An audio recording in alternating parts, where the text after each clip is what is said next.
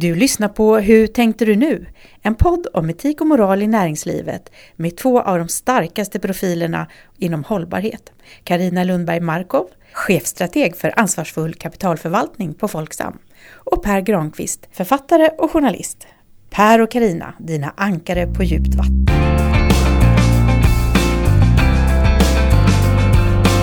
Hur tänkte du nu? En podd om etik och moral i näringslivet. Hej hej Karina, ny vecka, nytt avsnitt. Hej Per! Du, visst är du råd av matlagning? Ja. Har jag fått mig det? Ja. Eller? Nej. Nej. Både av att laga mat och eh, läsa om mat och eh, äta mat. Ja, men äter du bra alla gånger eller slarvar du ibland och kör take away? Ja, ibland blir det ju det. Ibland Ja. blir det det. Eller kan det också vara så att du har till exempel beställt hem då mat från någon restaurang med hjälp av ett snabbfotat cykelbud kanske? Ja, det är ändå hyfsat ofta faktiskt. Det finns ett par firmor som ägnar sig åt det här i Stockholm. Och det kändes ju pikt och smart att kunna passa när det dök upp. Men sen läste jag om de här nya om villkoren för de som flänger runt med de här cyklarna och det fick mig lite att tappa aptiten.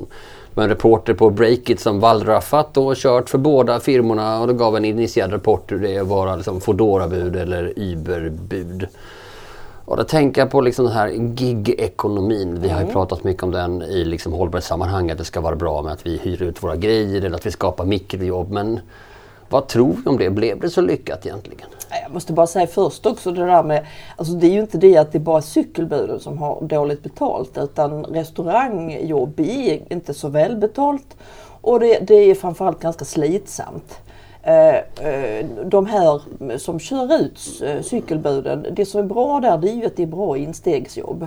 Men de här, liksom, som Breakit-reportaget handlade om att det var långa pass som där det egentligen är på späck. De vet inte om de får någon körning. De ska upprätthålla sig på vissa platser i stan för förhoppningar att det ska komma just mycket beställningar där då. Snittlönen är ungefär 39 spänn i timmen. Och det kan man knappast säga var ett bra instegsjobb eller?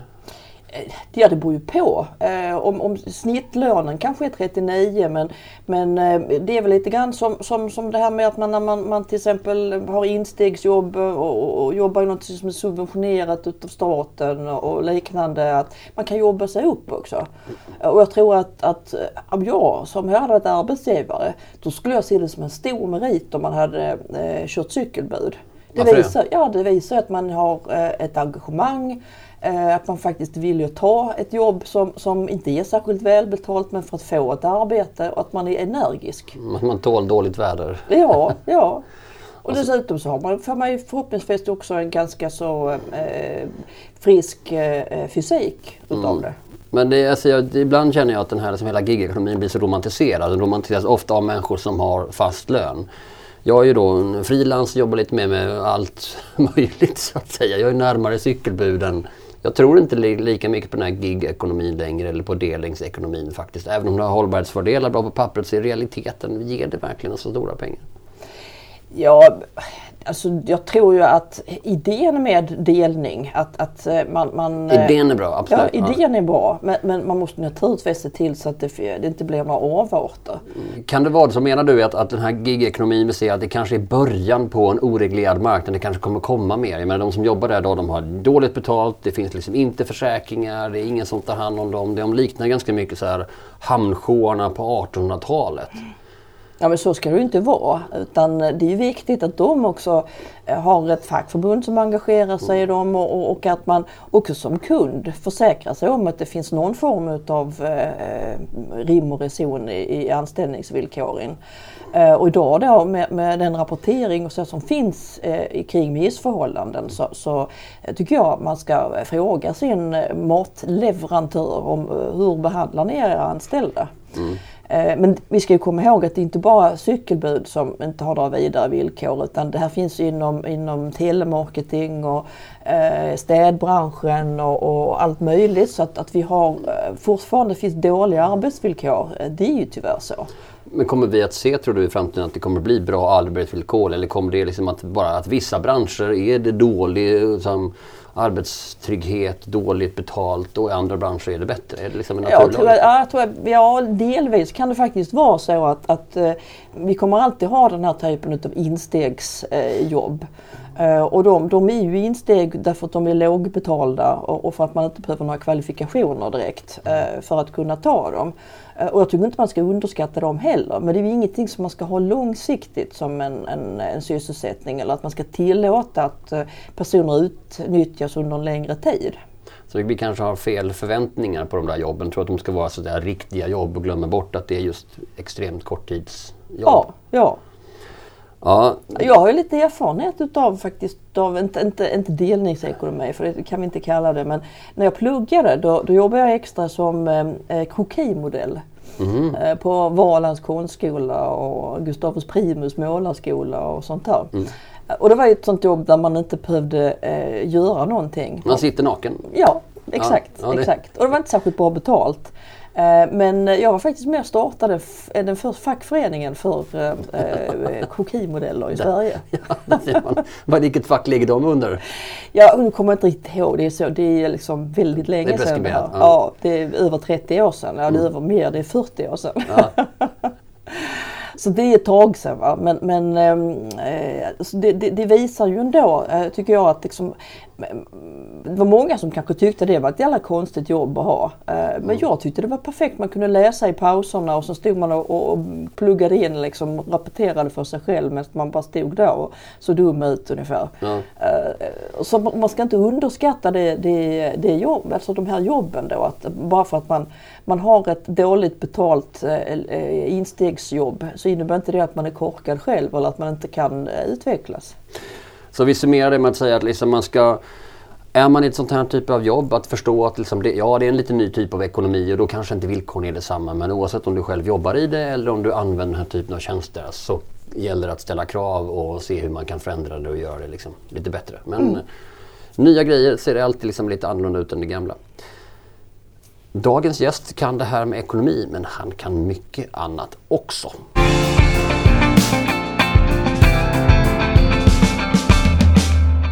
Välkommen Claes Eklund. Tack så mycket, kul att vara här. Du behöver ju kanske inte någon närmare presentation men jag kan ändå nämna några saker eh, vid sidan av din anställning på SCB där eh, du är eh, hållbarhetsekonom. Stämmer. Ja. Och du är också författare till en rad böcker, eh, till exempel Vårt klimat. Jag vet att den är en omtyckt kurslitteratur på flera utbildningar. Uh, och sen sitter du i flera styrelser, till exempel Miljöforskningsinstitutet vid Lunds universitet. Ja, nästan rätt. Jag har lämnat det för jag har flyttat till Stockholm. Då ah. lämnade jag den tjänsten också. Men jag sitter i styrelsen för den stora strategiska miljöforskningsstiftelsen Mistra mm. och, som har sitt huvudkontor i Stockholm. Mm. Det är mm. spännande. Ja. Per och jag har ju pratat eh, delningsekonomi här nyss. Eh, och då, vi hade väl delvis kanske lite eh, olika syn på det. Eh, per är ganska upprörd över arbetsvillkoren och, och det är jag också i och för sig. Men samtidigt tycker jag att det är så viktigt med instegsjobb. Så hur, vad, vad, tänker du på delningsekonomi? Och... På gott och ont så tror jag att vi kommer att få se den växa. Det ser vi ju tydligt nu att det pågår och det kommer att utmana de gamla svenska förhållandena på arbetsmarknaden, de institutionella förhållandena. Därför att många och allt fler kommer att vara egenanställda som det heter, olika varianter av egenföretagare eller jobba för bemanningsföretag. Och i några fall så är ju anställningsförhållandena usla. I andra fall så kan det vara ett insteg till den riktiga arbetsmarknaden alla de här frågorna kommer att öka oavsett vad vi tror om, eller bli skärpas oavsett vad vi tror om själva delningsekonomin helt enkelt därför att vi har några hundratusen relativt nyanlända människor som har väldigt svårt att komma in på den traditionella arbetsmarknaden. Det här sammantaget är den största utmaningen för, för den svenska, gamla svenska modellen, visst är det så?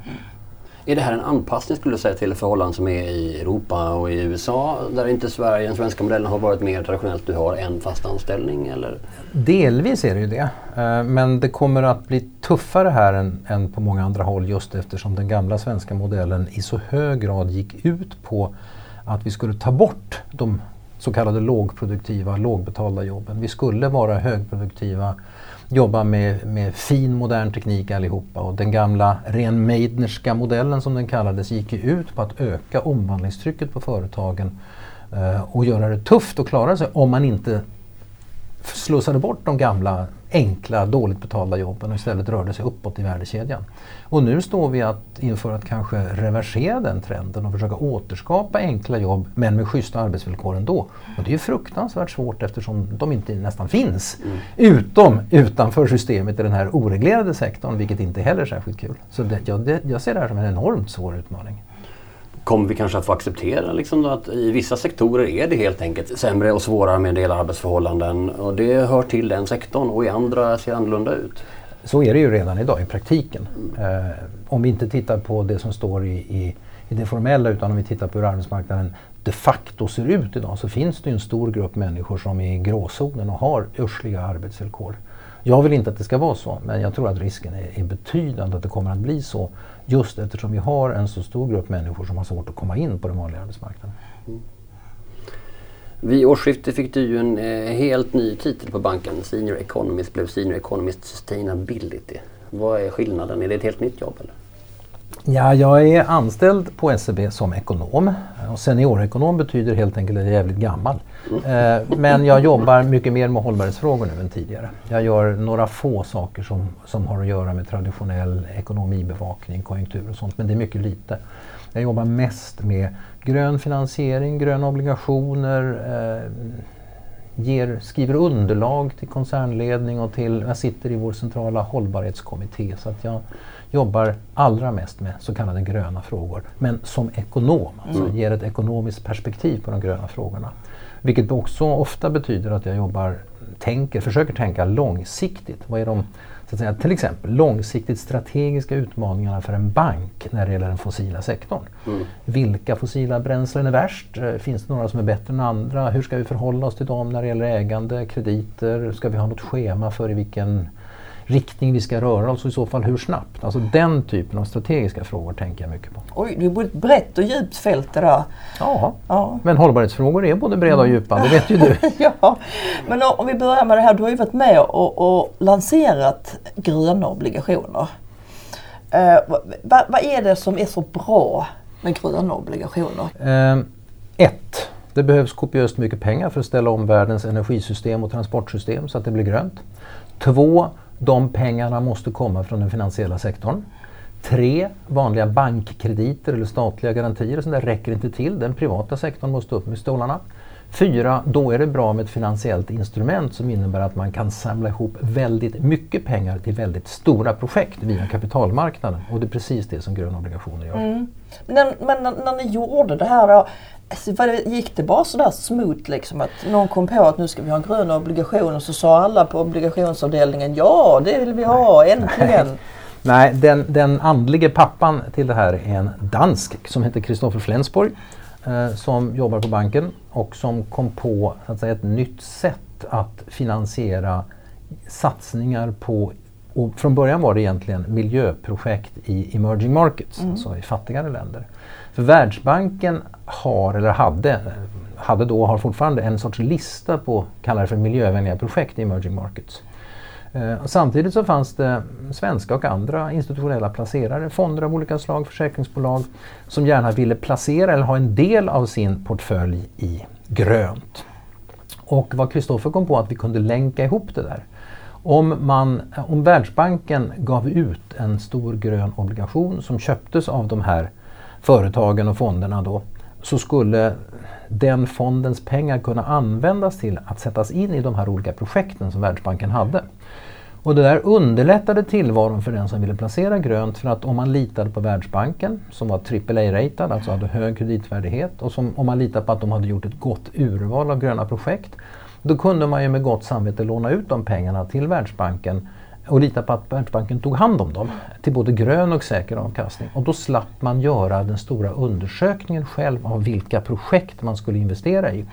Något som kan vara ganska knöligt för de här projekten ligger i avlägsna länder med andra kulturer, andra betalningstraditioner och så vidare. Och så vidare. Så att, eh, Eh, men det var ingen som visste då att det skulle växa. Det tog, det tog lite tid men nu växer det oerhört snabbt och det är åtskilliga hundra miljarder det, det Nu har det ju till och med kommit eh, statligt garanterade gröna obligationer i Frankrike, i Polen och jag har hört att Nigeria ska vara i startgroparna också. Ja.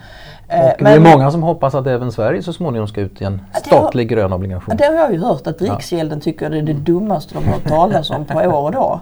Det är möjligt att de tycker men Varför tycker de så? Ja, alltså det finns ju... ehm, det skulle kunna finnas en del målkonflikter när det gäller gröna obligationer och vanliga obligationer. Ehm, ta till exempel pensionsfonderna, AP-fonderna. Eh, De ska satsa sina pengar, alltså låna ut i projekt som ger avkastning och säkrar pensionerna. Och tidigare så var det många som hävdade att eh, om man satsar på gröna projekt så är det inte alls säkert att de ger särskilt hög avkastning. Eh, och därför skulle det kunna finnas en målkonflikt när det gäller säkerhet och avkastning kontra grönhet. Men jag tror att de olyckskorparna, jag tycker det har visat sig att de hade fel. Det går inte att, att hävda att de gröna obligationerna hittills har så att säga, i något avseende varit sämre än vanliga obligationer. Och det tror jag Riksbank, Riksgälden också egentligen inser. Förklara kort, hur funkar en obligation för den som inte har full koll på det? En obligation är ett värdepapper. Eh, Den som ger ut en obligation, säljer en obligation, lånar pengar. Och den som köper obligationen betalar ju till den som gett ut obligationen och kan sägas därför låna ut pengar. Och säkerheten är då obligationen som har en viss löptid, fem år, tio år eller något i den stilen. Så att den som köper obligationen lånar alltså ut på fem år, säg, till den ränta som anges på obligationen på det här värdepappret. Det som är speciellt med obligationen är att den sen kan köpas och säljas vidare till andra som då kan investera i det här projektet om den första ägaren inte vill ha kvar den av någon anledning. Så att det är både frågan om att man eh, investerar i någonting speciellt men också att man kan hantera sin egen kassa och sin egen likviditet om du är en stor fond genom att köpa och sälja obligationer på andrahandsmarknaden. Kan du ge ett konkret exempel på en sån grön obligation? Eh, häromåret så lånade eh, Göteborg, alltså staden Göteborg, upp ett antal hundra miljoner på obligationsmarknaden genom en grön obligation. Och den användes då till att göra stadens transportsystem kan man säga grönare. Alltså man investerade, nu kan jag inte alla detaljer, men i biogasbussar och i olika typer av elnät och smartare nät och sådana här saker som gör att energiförbrukningen minskar och framförallt att fossilförbrukningen minskar i staden. Det är ett exempel. Och det här är ju då en stora investeringar. Som sagt, det handlar om många, många miljoner. Och eh, när då de lånar upp en så stor summa på kapitalmarknaden på en gång så får de bättre villkor normalt än om de hade lånat små slattar till varje individuellt projekt. Så att det är fördelen med en sån här obligation, det är just ska vi säga, stordriftsfördelarna och att man ändå kan finansiera många olika projekt under en och samma hatt. Är det ofta så att det är så pass mycket pengar att man inte kan gå till sin bank och begära det? Ofta är det så, ja. Ja. Jag kan fylla på lite där med, med just när det gäller kommunala obligationer. Att det går ofta då till att man eh, till exempel renoverar eh, slitna bostadsområden. Eh, De är ju grö- det är enligt gröna normer då. Men där finns ju en social bit också i det. Att man faktiskt satsar på att, att, att renovera de kommunala bostäderna som kan ha fått sina törnar genom åren. Heter, går- Vad heter det då? Social obligation eller blir det då Nej, röd det- obligation? Det är fortfarande grön obligation. Men, men social, kul att du säger det för just det var min nästa fråga. Eh, Det här med social obligation. Jag blev, har pratat med flera stycken det senaste halvåret som, som har idéer om att man ska ha sociala obligationer och då ska man då alltså låna upp pengar för att starta projekt som till exempel går ut på att få fler långtidsarbetslösa i arbete Eh, för att minska skolk, för att minska skadegörelse.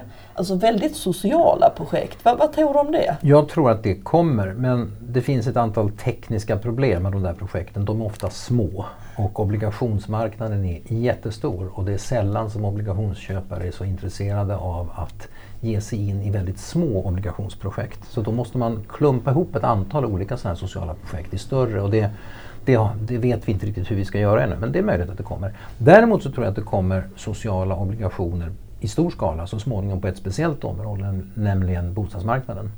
Eh, vi vet att det finns en enorm bostadsbrist som fortfarande ökar faktiskt, trots att byggandet ökar. Därför att byggandet ökar, trots att det ökar så snabbt så ökar det inte tillräckligt snabbt. Och, eh, och det gör att, eh, och vi vet också att det finns väldigt många, inte minst nyanlända och folk som flyttar in till storstäderna som helt enkelt inte har råd att köpa bra eller hyra bra. Mm. Så det finns ett, ett stort behov av kan vi säga, det som på utrikiska kallas affordable housing. Så det kan vara något billigare bostäder, kanske inte med exakt de allra högsta kraven. Men då behövs det antagligen en, en annan typ av finansiering, i alla fall och så det kompletteras med en annan typ av finansiering än det vi har idag. Så att, och här sitter många och fnular på hur sådana sociala eh, bostadsobligationer skulle kunna se ut. Så är det rimligt att tro att om vi tänker de här stora infrastruktursatsningarna vi behöver göra i Sverige med höghastighetståg och sånt, att det kommer att ske via obligationer snarare än att använda det statsbudgeten som blir alltid knöligt och gnälligt? Ja, alltså de här jätteinvesteringarna, jag är inte säker på att de blir av, höghastighetstågen. Men, men andra järnvägsinvesteringar och, och investeringar i infrastruktur, det kommer ju. Och det är självklart att det inte kommer att göras på traditionellt sätt med liksom små krediter. Och, och staten kommer inte att vilja, jag, menar, jag är övertygad om att finansministern inte kommer att trycka in väldigt mycket pengar den vägen. Så att det kommer att, gör, att finansieras i hög grad genom obligationslån. Och då lär en del av dem vara gröna eftersom vi vill att infrastrukturen ska bli mer miljövänlig framöver. Ja, den gamla, på gamla tiden så var ju när man byggde järnvägen så var ju det byggt med järnvägsobligationer ja. till, till stor del. Ja. Och det var inte bara statliga utan det var ju privata bolag och, och, och regionala bolag och liknande. Som gav upphov till en enorm boom i mitten på 1800-talet som i sin tur utlöste en jättelik finanskrasch. För man mm. spekulerade för mycket just i järnvägsaktier och järnvägsobligationer. Mm. Kan vi se något liknande inom den gröna? Kan det vara för, för mycket där eller är det som, hur ser du på den? Vi ska dra historiska Inte idag. Alltså idag är det, även om marknaden växer väldigt fort så är den ju bara pytteliten jämfört med övriga obligationer. Men det är väldigt, alltså frågan är ändå berättigad därför att nu när den växer så fort så det är väldigt viktigt att se till att det inte blir dålig kvalitet på de här gröna obligationerna. Man kastar på sig att det här är ett ja. grönt projekt och trycker ja. lite vad som helst. Ja, och det, den risken är uppenbar inte minst i sådana här jätteländer som Kina och Indien som går igenom en enormt snabb urbanisering, som bygger ut sina transportsystem och som också har svåra miljöproblem. Det är klart att det finns en frestelse att i de länderna döpa om svart och brunt till grönt. Mm. Och därför är det nu är jag lite speciell för jag jobbar på SCB och vi kallar oss för ett, ett, ett premiummärke på den här marknaden. Men vi, mm. vi tycker det är väldigt viktigt när vi hjälper till att ge ut gröna obligationer att, att grönheten så att säga certifieras av eh, helst en oberoende vetenskaplig institution. Mm. Vi använder en, en klimatforskningsinstitution på Oslo universitet som heter Cicero som har infört ett, ett schema, Three Shades of Green. Mm. Nej Karin, inte 50 shades of grey utan 3 shades of green. Three shades of green, ja. Det är där, sånt sålt lika mycket, innehåller inte lika mycket sex. Nej, men, så, mm. men det är mörkgrönt och ljusgrönt och sådär. Och de, de bedömer då de här olika projekten utifrån hur gröna de är. Mm. Och det den typen av betyg på gröna obligationer tror jag är väldigt viktigt att vi har framöver för att undvika slarv och greenwashing. Här är ju vi också som, som investerare, som Folksam till exempel, väldigt mm. picky. Mm. Uh, så vi kräver ju dels då att det ska vara en hög säkerhet, alltså att den som ger ut ska ha en hög säkerhet och en stor återbetalningsförmåga. Mm. Uh, så därför är ju de här kommunala, uh, Världsbanken och allra helst statligt garanterade gröna obligationer eller hållbara obligationer tycker jag nästan man skulle kalla det. Mm. Det är väldigt viktigt för oss att, eh, så att inte det blir, går, eh, blir liknande som kan bli upphov till, till, ja, till krascher och till mm. spekulationer och, och mm. så. Mm. För den risken finns ju alltid när man har ett nytt instrument och det mm. finns en stor efterfrågan. För jag tänker Claes, du har skrivit en bok om Kina som är väldigt bra att förstå hur lite vi förstår. Kanske man ska sammanfatta det som.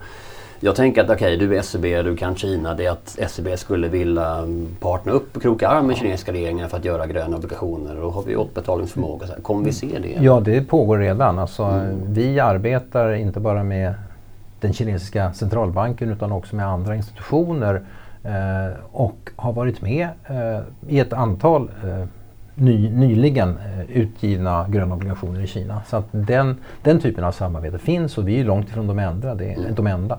Men vad som händer i Kina är väldigt spännande nu därför att eh, Kina har ju väldigt stora miljöproblem. Smogen i städerna till exempel, förgiftade vattendrag, ökenutbredning, vattenbrist på många håll och sen eh, vet vi att Kina är ett av de länder i världen som är känsligast för klimatförändringar. Med smältande glaciärer i söder och uttorkade floder långt norrut och så vidare. Och så, vidare.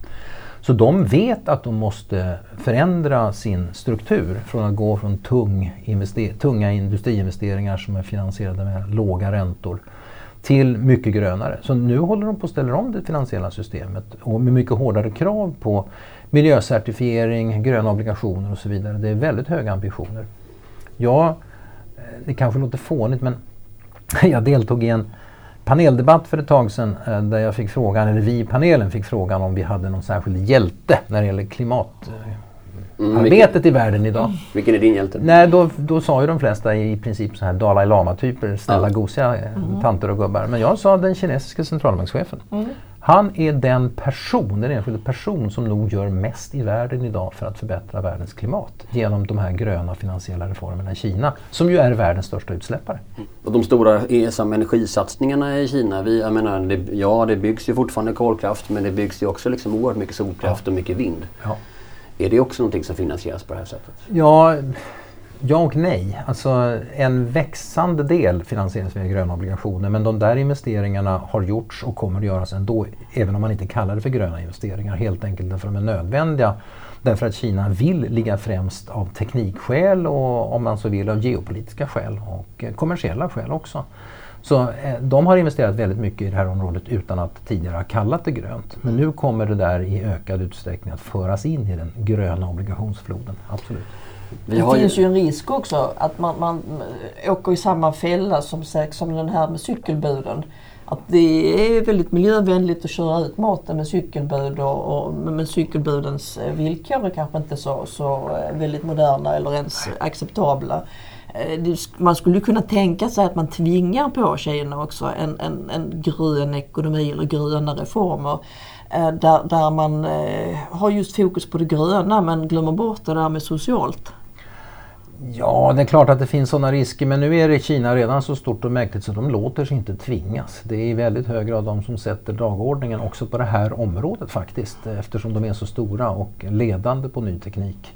Och jag tänkte mer deras egna medbe ja, med, medborgare. Men de har inte så mycket att säga till om alla gånger. Nej, just det, det. Och, och eh, Kina ser sig själva som ledande också på det finansiella området eh, efter det att eh, den amerikanska administrationen nu börjar wobbla med Trump naturligtvis.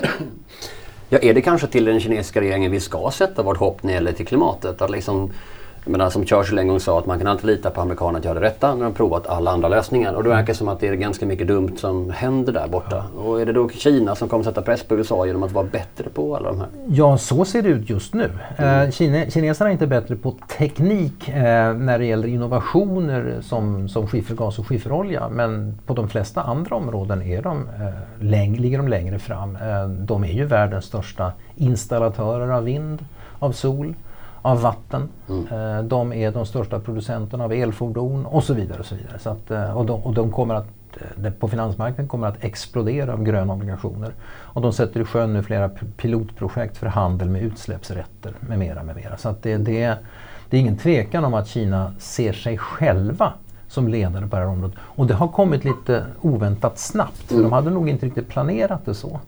Men, men i och med att utsläppskurvan för koldioxid nu börjar vända ner i Kina mm. ett decennium tidigare än man hade trott att den skulle göra så har de plötsligt fått på sig ledartröjan.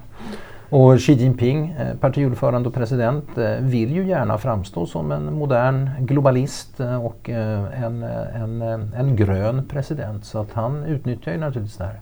Men har den utvecklingen förvånat dig? För i, i boken om klimatet som du skrev så är inte, har inte Kina riktigt den framträdande rollen. Nej, det har, gått, det har gått fortare än jag trodde. Absolut. Och det tror jag delvis beror på att eh, klimat och miljöproblemen i städerna har blivit så otroligt eh, vidriga. Mm. Alltså de förhållandena. Så att medelklassen i Peking och Shanghai och de stora städerna revolterar. Och det är faktiskt ganska gott om, om eh, medelklasskineser som flyttar utomlands för att fly från den dåliga luften i storstäderna. det är ju lite samma med just med Nigeria mm. som ju inte har gjort sig kända som några direkta... Det har ju varit olja väldigt mycket och, och det har varit stora oljebolag som, som har anklagats för uh, dåliga pipelines. Shell och Nigerdeltat är det klassiska exemplet. Mm. Ja.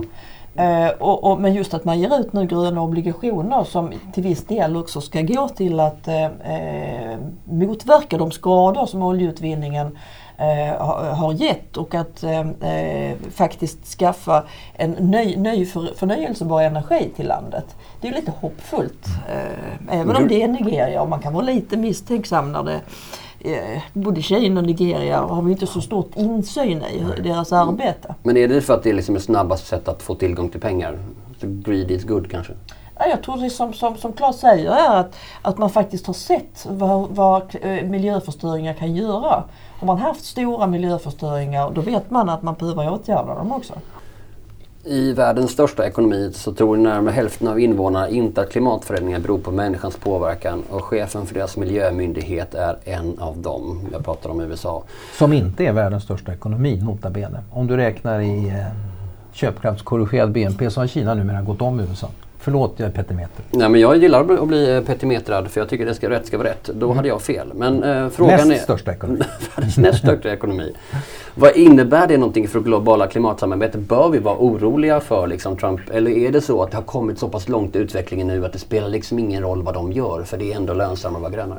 Det är klart, jag tycker att vi ska vara oroliga för att eh, USA har ju ändå i många avseenden faktiskt varit en förebild. Eh, teknikutveckling och eh, Obama, även om han inte var så effektiv, så bidrog han ändå till att sätta klimatfrågorna på dagordningen. Med mera, med mera. Mm. Men jag tror att den teknikutvecklingen och den kommersiella utvecklingen är starkare än presidenten i det här fallet. Mm. Och eh, man ska också ha klart för sig att eh, den amerikanska presidenten visserligen är mäktig men han är en kringskuren kung. Ni har domstolar mm. och ni har delstater. Eh, och vi har ju redan sett hur ett antal delstater säger att ja, han må göra vad han vill i Washington men vi på delstatsnivå har högre ambitioner. Eh, Kalifornien är det tydligaste exemplet. Och när det gäller frågan om Parisavtal och, och när det gäller frågan om, om eh, miljövårdsmyndighetens status så kommer det där att hamna i domstolarna. Och där vet inte jag vad de amerikanska domstolarna till slut kommer att säga. Mm. Um, om man vill anlägga ett optimistiskt perspektiv så eller optimistiskt, det låter nästan cyniskt, men den avlidne Jan Stenbeck, den stora entreprenören, han sa ju något tillfälle eh, ungefär så här att eh, politik slår ekonomi men teknik slår politik. Mm. Alltså politikerna kan reglera sönder en väl fungerande ekonomi men politikerna är svagare än den tekniska utvecklingen. Mm. Och det var ju precis det som var hans motto. Det var så han tjänade sina miljarder genom att på något vis lita på den tekniska utvecklingen som skulle köra sönder regleringarna. Så att mm. säga. I hans fall var det på mediemarknaden. Eh, och nu vet inte jag exakt vad som kommer att ske i världen med teknik och tekniksprång men, men vi ser ju hur det enormt snabba prisfallet på förnybart, inte minst sol, mm. sliter sönder gamla affärsmodeller. Och jag, jag, kan inte för mitt liv begripa hur en, en affärsinriktad president i det här läget ska kunna återuppliva kolgruvorna i USA. Det, det är för mig helt obegripligt. Så jag tror inte det kommer att gå. Punkt slut. Mm. Eh, du har hållit på länge med det här med hållbarhet och framförallt miljöfrågor och eh, nationalekonomi. Men när började intresset för hållbarhet för dig? Eh, jag jobbade med de här frågorna på 80-talet fast då kallade vi inte för hållbarhet, då kallade vi miljöfrågor. Jag var då anställd i Finansdepartementet, satt i den politiska ledningen och eh, det var ju stora debatter om skatter och olika styrmedel. Ehm, och Kärnkraft? Ja, det också, men, men mest handlade det i mitt fall om hur ska miljön, eller hur ska tillväxten bli mer miljövänlig? Och då stod det i princip två linjer mot varandra. Den ena sa regleringar, förbjud tillväxt i princip. Och, och den andra linjen som jag då företrädde från Finansdepartementet var att eh, låt oss använda ekonomiska styrmedel, alltså skatter och subventioner. Beskatta det svarta och släpp fram det gröna. Låt plånboken styra mer. Alltså låt använd marknadsmekanismerna mer. Och när, och det där är, när är vi tiden nu ungefär? Mitten av 80-talet. Så det är 30 år sedan. Och det där är ju inte dugg kontroversiellt idag för så ser miljöpolitik i hög grad ut idag. Men det var väldigt kontroversiellt då, inte minst inom vänstern och socialdemokratin för att det fanns, och även i det som sen skulle bli Miljöpartiet. Därför att det fanns en del som menar att det där är bara ett sätt eh, som innebär att de rika kan då köpa sig fria. Så att mm. säga. Så att det, var, det var en ganska hård ideologisk debatt. Men hade du liksom konken-ryggsäck och var miljömupp innan dess? Eller var det så att du som ekonomen här tittade på sa att ja, det här verkar ju vara vettigare? Nej, jag, alltså, jag har varit intresserad av miljöfrågor alltid men, men det var inte ur miljömuppsperspektivet utan det var med ekonomhatten på. Mm. Jag tillhörde en sorts ja, fraktion inom Socialdemokraterna på den tiden kallades kanslihushögern. Mm. Och vårt, vårt credo var just att försöka göra den svenska ekonomin mer effektiv på olika sätt. Inklusive att effektivisera miljöpolitiken. Om, om jordens resurser är knappa och vi ska spara på dem, ja då borde ju också miljöpolitiken vara effektiv så vi inte slösar med resurser i miljöpolitiken. Det var liksom det som var... Någon slags ingång med att saker och ting behöver prissättas på ja. ett korrekt sätt. Ja. Men när, och sen du började, ja, när du började på banken och så, var det naturligt? Att Nej, då, då, då var det ett antal år när jag inte jobbade särskilt mycket alls med de här frågorna. Men den stora för mig vattendelaren det var ju Sternrapporten som mm. kom 2006 var det väl. Mm. År, ungefär samtidigt som Al Gores film. Uh, en, vad heter den? En obehaglig sanning. En obekväm sanning. Obekväm sanning.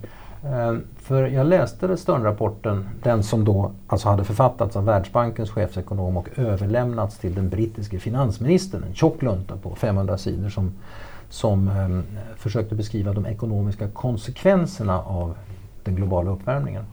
Och jag läste den och jag förstod att det här skulle kunna få väldigt stora effekter på makroekonomi men också på bankens ekonomi och bankens arbete. För om det är så att, att fossila bränslen är farliga och om det är så att statsmakterna kommer att eh, höja skatter på fossila bränslen till exempel, ja då måste ju banken ta hänsyn till det när banken gör sina kreditbedömningar och när vi investerar och när vi äger via våra fonder och så vidare. Så att jag skrev omedelbart en, en intern PM till ledningen där jag sa att det här måste vi följa och vi måste bygga upp egen kompetens och vi måste börja ta itu med de här frågorna långsiktigt. Jättebra Claes, gör det, sa de då.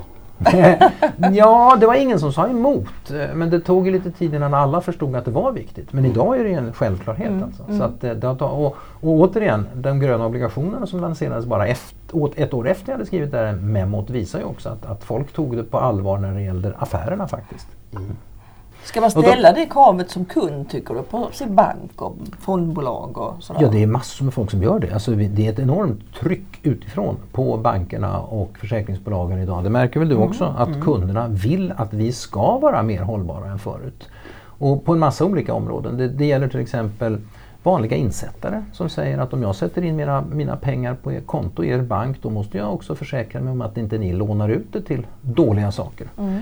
Och om jag ska spara till pension eller till barnens framtid då vill jag också spara på ett sätt som inte förstör jorden och klimatet. Så att det finns ett, ett skarpt ökat tryck på, på oss att förse kunderna med sådana mm. produkter. Det kanske Dessutom är mer effektivt att vifta med sin plånbok än att vifta med plakat? Ja nu för tiden tror jag det är det faktiskt. Mm. Finansinspektionen har också ställt kravet på att vi måste börja mäta avtrycket så att säga, av våra fonder och våra krediter. Alltså både klimatavtryck och så småningom det sociala avtrycket. Och det här är väldigt svårt att mäta men, men eh, så att säga, budet ligger där nu från Finansinspektionen till bankerna. Ni måste börja försöka och sen återkommer vi om ett tag och ser om vi kan lära oss hur vi ska standardisera detta. Eh, och alla måste ju numera göra årsredovisningar mm. som innehåller särskilda hållbarhetsrapporter och jag är säker på att det dröjer ett par år max så kommer de här att integreras så att hela årsredovisningen blir mycket mer av en hållbarhetsredovisning också. Så att kraven ökar och produkterna och tjänsterna blir grönare hela tiden.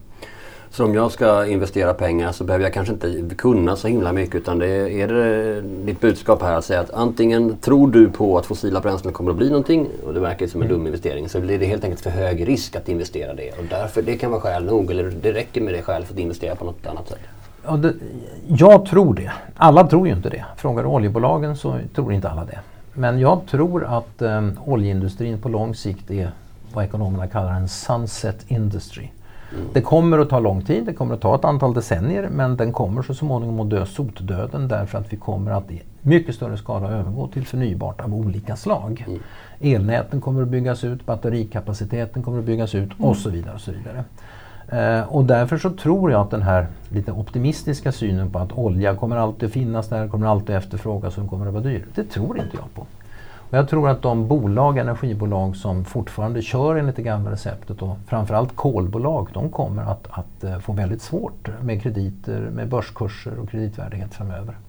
Då har vi ju sett alltså traditionella kolgruvor, så att säga. kolbolag har ju rasat på börsen de senaste åren. Och inte ens Trump har lyckats återuppliva dem särskilt mycket. Det kanske är en osynlig hand som styr marknaden i alla fall. Fast den är ganska synlig. Ja. en ganska synlig grön hand. Den är grön, just det. Mm. Tack snälla Claes för att du kom hit eh, och delade med dig dina perspektiv på de här besvärliga frågorna. Tack så mycket. Tack. Har du Per, du trodde ju att gröna obligationer eh, var, var, var trist och tråkigt. Men mm, ja, nej, vad men det... säger du nu då?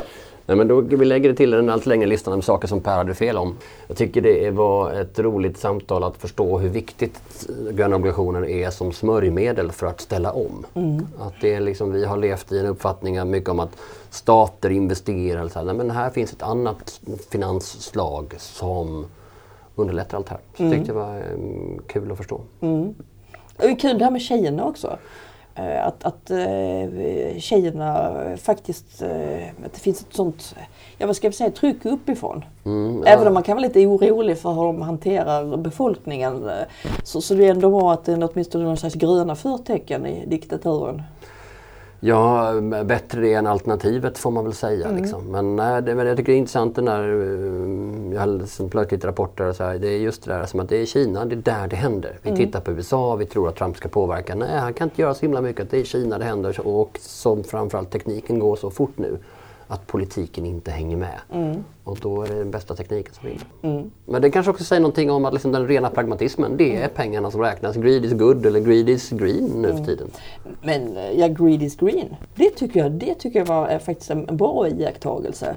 Att, eh, och det är kanske det som behövs för att få till stånd en grön omställning också.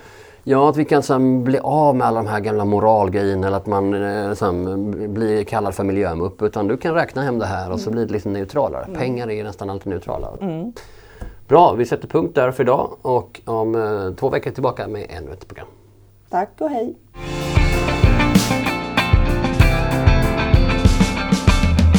Producent för Hur tänkte du nu är Estrid Bengtsdotter. Om du vill komma i kontakt med redaktionen, om du har frågor eller förslag på saker vi borde prata om eller personer vi borde prata med, så gå in på vår Facebook-sida och kontakta oss där. Vi är duktiga på att svara. Och till sist, tack till Folksam som gör den här podden möjlig.